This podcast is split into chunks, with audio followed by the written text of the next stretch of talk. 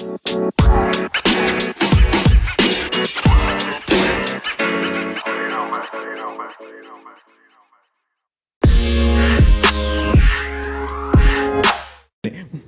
pertanyaannya sebenarnya mau balik ke pertanyaannya Pang ya. Kita nih sebenarnya demokrasi sudah pada track yang benar atau enggak? Sebenarnya ini adalah salah satu pertanyaan jebakan abad ini sebenarnya. Bayangkan, kita mau jawab yang mana? Kita jawabnya belum berada track yang benar, oh dipakai sama politisi itu. Kita mau bilang pada track yang benar pun, is not, gitu kan? Is not yet, ya. Jadi maksudnya itu pertanyaan jebakan sebenarnya, ya kalau kita mau lihat. Tapi saya nggak mau masuk ke situ, yang mana posisi saya, saya lagi pengen jadi Gani yang optimis, jarang optimis sebenarnya. Karena udah keseringan nulis, udah kebanyakan, saya nggak tahu siapa yang baca gitu, jadi udah sekarang ngomongin aja lah gitu. Baca satu orang akhirnya ketahuan ada yang baca. Masih nulis aja lah ya, oke. Okay. Uh, okay. Jadi saya mau masuk tadi soal apa namanya aksi-aksi tadi lah ya. Uh, kebetulan kita lagi di venue ini adalah tempat salah satu yang menjadi pusat perhatian kemarin di Atmajaya ketika aksi demonstrasi terjadi, khususnya tanggal 30. Uh, kebetulan juga tanggal 24 saya ikutan juga di itu di demonstrasi tadi uh, pange lihat dari dalam gitu. Uh, apa yang saya dapat tanggal 24 itu optimisme. Bukan sebaliknya. Mbak dan teman-temannya yang ikut segala macam, bagi saya dalam konteks demokrasi as a values itu optimisme di situ. Kenapa? Sejak pasca reformasi tidak ada satupun isu yang bisa mendorong kelas menengah. Fondasi utama demokrasi, kelas menengah terjun ke jalan, menyuarakan sebuah aspirasi politik. Di situ saya dapat feelingnya, karena, karena berada di tengah-tengah ikutan evakuasi air mata dan segala macamnya, optimisme yang saya dapat. Kenapa? Karena ini adalah generasi-generasi yang katanya harusnya berkuasa saat bonus demografi. Orang-orang itu. Orang-orang kita-kita, kami-kami. Pange masih masuk kan? Masuk, masuk. Kami, kami. Jangan gitu. oh siap, siap. gitu. Generasi Z. Kenapa generasi Z? Itu baru lahir setelah reformasi loh. Generasi saya masih ngerasain dulu dilemparin batu orang-orang Cina tahun 98. Mereka nggak punya pengalaman itu. Nah itu nih logika penting yang bagi saya kenapa saya harus optimis. Kenapa? Karena mereka sejak lahir telah memiliki kebebasan. Mereka sejak lahir sudah mengenal yang di depan muka mereka itu is demokrasi. Mbaknya dan teman-temannya karena demokrasi mau direnggut nih, ini mainan saya nih gitu. Boneka. Jangan direbut gitu. Itu feeling yang saya dapat. Mereka nggak peduli dengan masa lalu sebenarnya. Generasi-generasi ini. Karena mereka juga nggak punya pengalamannya. Tapi mereka punya values kebebasannya gitu. Mereka bisa bikin konten YouTube jadi tajir, mereka bisa nge-tweet jadi famous, istilahnya lah ya. Hal-hal itu meskipun memang kita orang-orang yang mungkin senior-senior kita bilang itu proses kami pelaku sejarah yang membuat kalian seperti itu gitu kan. Nggak peduli gitu loh. Doesn't care. Iya kan? Nggak peduli. Karena mereka lahir dalam generasi. Dan itu sangat kita nggak bisa bohongin, itu berasa sekali. Kita setiap Kamis juga kalau ada beberapa kali datang ke Kamisan, sedikit, iya kan, kita suka atau enggak gitu. Tapi kemarin, anak-anak ini ketika ada sebuah narasi yang ini kepentingan gue nih, terenggut, mereka turun ke jalan.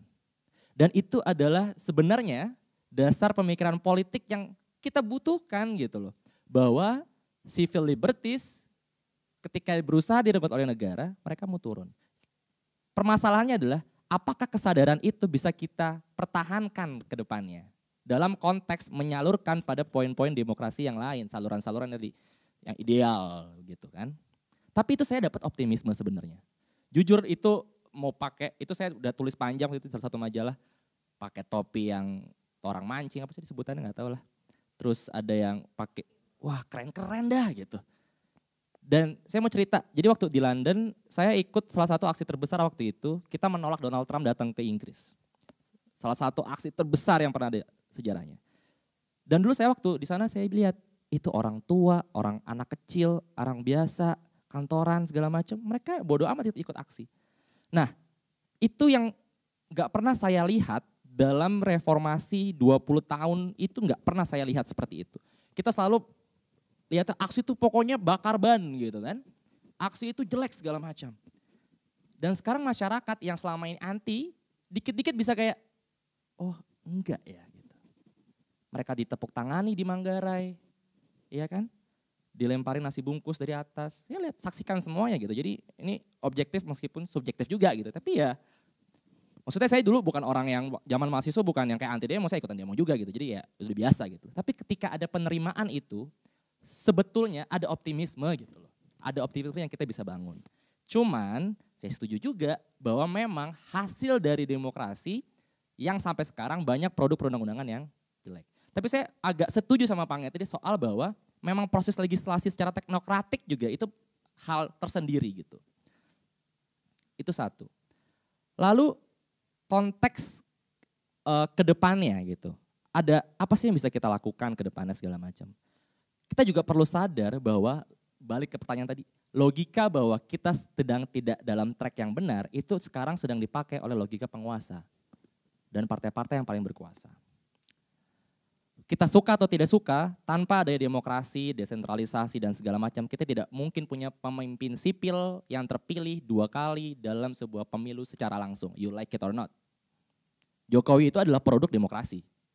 Kita suka atau tidak suka. Dia adalah produk demokrasi dan dia produk presidensialisme kita yang sudah dibangun pasca amandemen konstitusi. Nah, masalahnya kita mau, mau mendukung sistem itu atau tidak sebagai sistem gitu yang bisa memberikan celah bagi siapa pun untuk berpartisipasi dalam politik. Dan sekarang ini dengan saya terus terang aja ini kita agak ketakutan sebenarnya kalau nggak banyak yang berusaha mendukung, menyerang atau misalkan mengkantar argumen ide amandemen konstitusi. Kita boleh ngomong ITE, kita boleh ngomong, saya sering kali bilang, bahwa battleground utama kita kalau ngomongin demokrasi, bukan undang-undang yang lain. Selain amandemen konstitusi yang mau dilakukan oleh partai-partai penguasa. Saya berani ngomong gitu. Karena memang sudah ada niatan, sudah jelas begitu loh. Apalagi dengan sekarang koalisi segala macam, itu memang untuk memuluskan amandemen loh. Siapkah kita ketika kita mau direnggut sistem yang sebenarnya masih anak bayi nih, tapi membangun optimisme gitu. Nah itu saya pengen lempar. Apakah ada optimisme itu ketika kita melihat secara real gitu. Saya protes banyak mbak, saya protes banyak sekali undang-undang yang jelek dan segala macam. Tapi sebagai misalkan sebagai political scientist, saya harus berani bilang bahwa sistem ini sebenarnya ada dalam track yang benar. Sistem politiknya, tapi kalau sistem kepartaiannya detailnya ya, kepartaian pemilunya, saya sepakat sama Afu tadi bahwa banyak sekali yang bisa direvisi. Kalau saya uh, mendukungnya bukan yang tadi pilihan Afu soal apa namanya one district one man gitu enggak. Tapi saya lebih kepada kita mengevaluasi aja daftar terbuka dan daftar tertutup yang sudah kita jalankan. Kita pernah daftar tertutup, sekarang daftar terbuka, eh ternyata money politik semakin banyak dan segala macam. Itu yang kita evaluasi gitu. Dalam game teori itu undang-undang ataupun sistem politik itu sebenarnya rule of the game aja. Kita set the strategy after we're done with this.